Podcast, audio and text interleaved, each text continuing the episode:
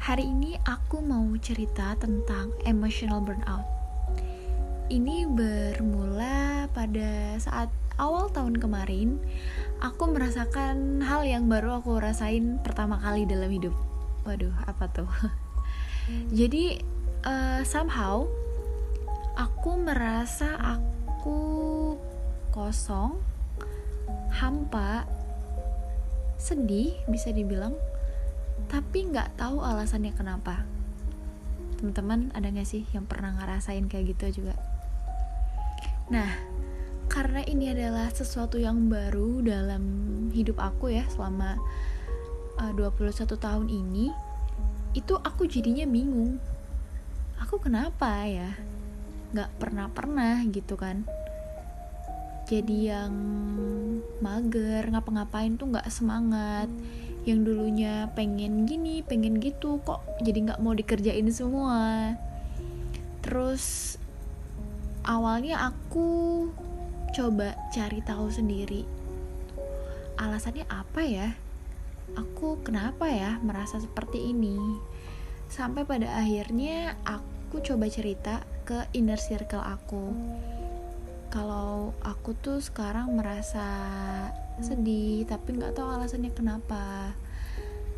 Ya walaupun itu membingungkan juga ya buat lawan bicaraku karena kan uh, mereka juga nggak tahu gitu apa yang terjadi sama aku. Tapi at least dengan aku cerita itu jadi mengurangin beban yang aku rasain. Sampai pada akhirnya aku berusaha mencari tahu sendiri dan setelah aku baca-baca aku nonton juga gitu ya video-video. Ternyata sepertinya aku ini ada di fase emotional burnout. Nah apa tuh? Jadi emotional burnout ini adalah keadaan di mana kita mengalami stres yang berkepanjangan akibat akumulasi-akumulasi stres dalam hidup kita. Nah, mungkin aku tuh selama ini kali ya uh, mengabaikan atau memendam emosi aku terhadap peristiwa-peristiwa yang terjadi gitu. Jadi walaupun peristiwa itu sudah lewat nih teman-teman, sebenarnya emosinya itu belum tentu lewat kalau kamu nggak menyelesaikan itu dan pemicunya banyak ya complicated gitu. Bisa jadi dari masalah keluarga masalah keuangan masalah ekonomi masalah kesehatan masalah asmara. Nah ini bisa jadi teman-teman faktor-faktor ini yang uh, membuat diri kita itu mungkin ngerasa stres. Ya kan? Pasti banget nih. Nah dari situ aku coba cari tahu emang uh, tanda-tanda dari emotional burnout ini apa sih gitu jadi yang pertama, kita akan merasakan capek fisik yang parah. Nah, aku merasa nih, aku jadi kayak nggak bisa tidur dengan nyenyak, aku jadi nggak nafsu makan, terus kalaupun tidur ya, bangun tuh masih kerasa capek, kayak kayak kurang aja gitu tidurnya. Terus yang kedua, emosi itu jadi labil. Antara kita jadi gampang marah karena hal-hal kecil atau sebaliknya jadi gampang nangis atau sedih. Nah kalau aku tuh yang kedua. Jadi suka sedih tiba-tiba nggak tahu kenapa gitu. Terus yang ketiga itu ada kualitas atau kuantitas dalam pekerjaan kita yang menurun.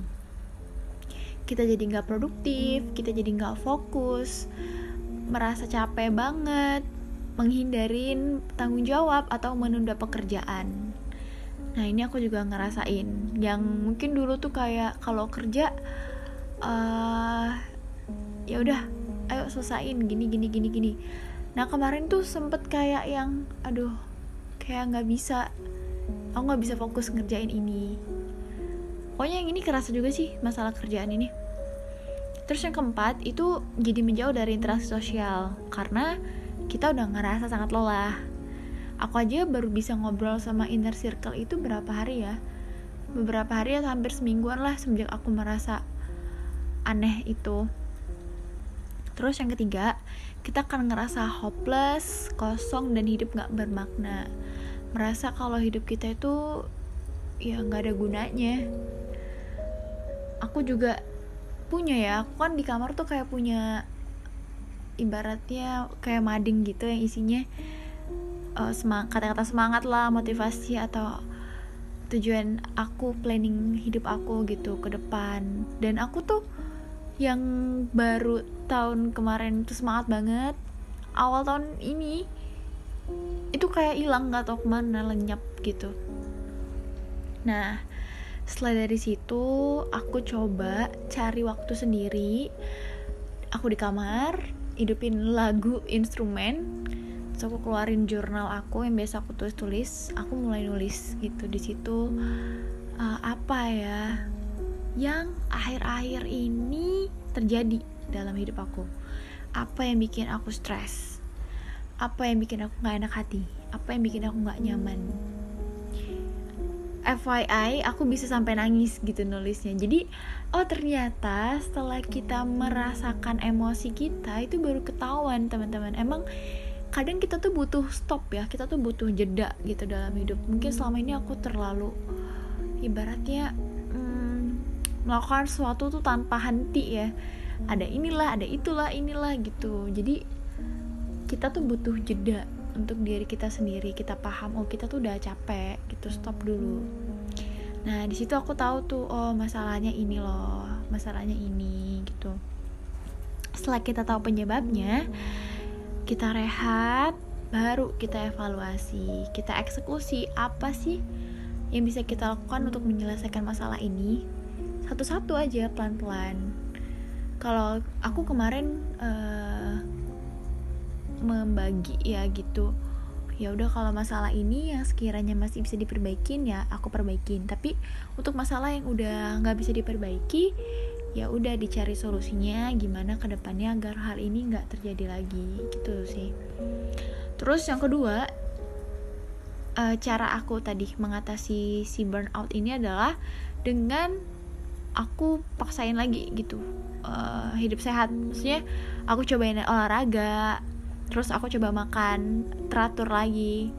Caranya ya beli makanan-makanan yang aku suka misal beli bakpao kayak sushi atau roti-rotian lah kayak gitu ya. Itu aku pokoknya yang bikin aku nafsu makannya naik lagi. Terus yang ketiga itu coba deh kita bangun lagi hubungan sama teman-teman dekat keluarga atau inner circle kamu karena dukungan dari orang-orang terdekat itu sangat penting loh kita jadi merasa apa ya kita tuh butuh loh teman-teman merasa untuk disayangi sama seseorang. Kita butuh loh perasaan untuk di apa ya di perhatiin ya mungkin. Diperhatiin disayangi dihargai. Ya itulah ya kebutuhan manusia kan afeksi. Kasih sayang. Jadi dengan adanya simpati atau bahkan empati dari mereka itu membuat aku merasa oh iya ya kayak aku nggak bisa loh kalau terus kayak gini. Ada orang-orang loh yang pengen dengan tulus buat kita senyum yang pengen kita seneng gitu. Ada loh orang-orang yang selalu mensupport kita apa adanya tanpa kamu harus balance sesuatu. Dan itu sih hal yang aku syukurin ya dalam hidup karena aku masih punya orang-orang yang mereka benar-benar tahu aku. Mereka yang selalu mendukung saat aku sedih dan seneng terutama ini aku tujukan kepada saudara-saudara aku sih. Aku karena umur kami tuh nggak uh, jauh beda. Jadi kalau ngobrol tuh masih nyambung banget gitu. Dan bisa ngerasain fase-fase hidup yang dijalanin. Nah, jadi apa pun itu masalahnya, tetap tenang. Kamu masih muda, masih banyak hal yang akan terjadi dalam hidup. Kontrol apa yang bisa kita kontrol, dan selalu yakin sih, setiap fase itu pasti ada masanya. Jadi, gak bisa selamanya kita bahagia terus, dan juga sebaliknya kita juga nggak mungkin dalam itu hidup itu sedih terus aku yakin sih kalau aku sedih sekarang ya mungkin uh, ke depannya akan ada kebahagiaan yang lebih baik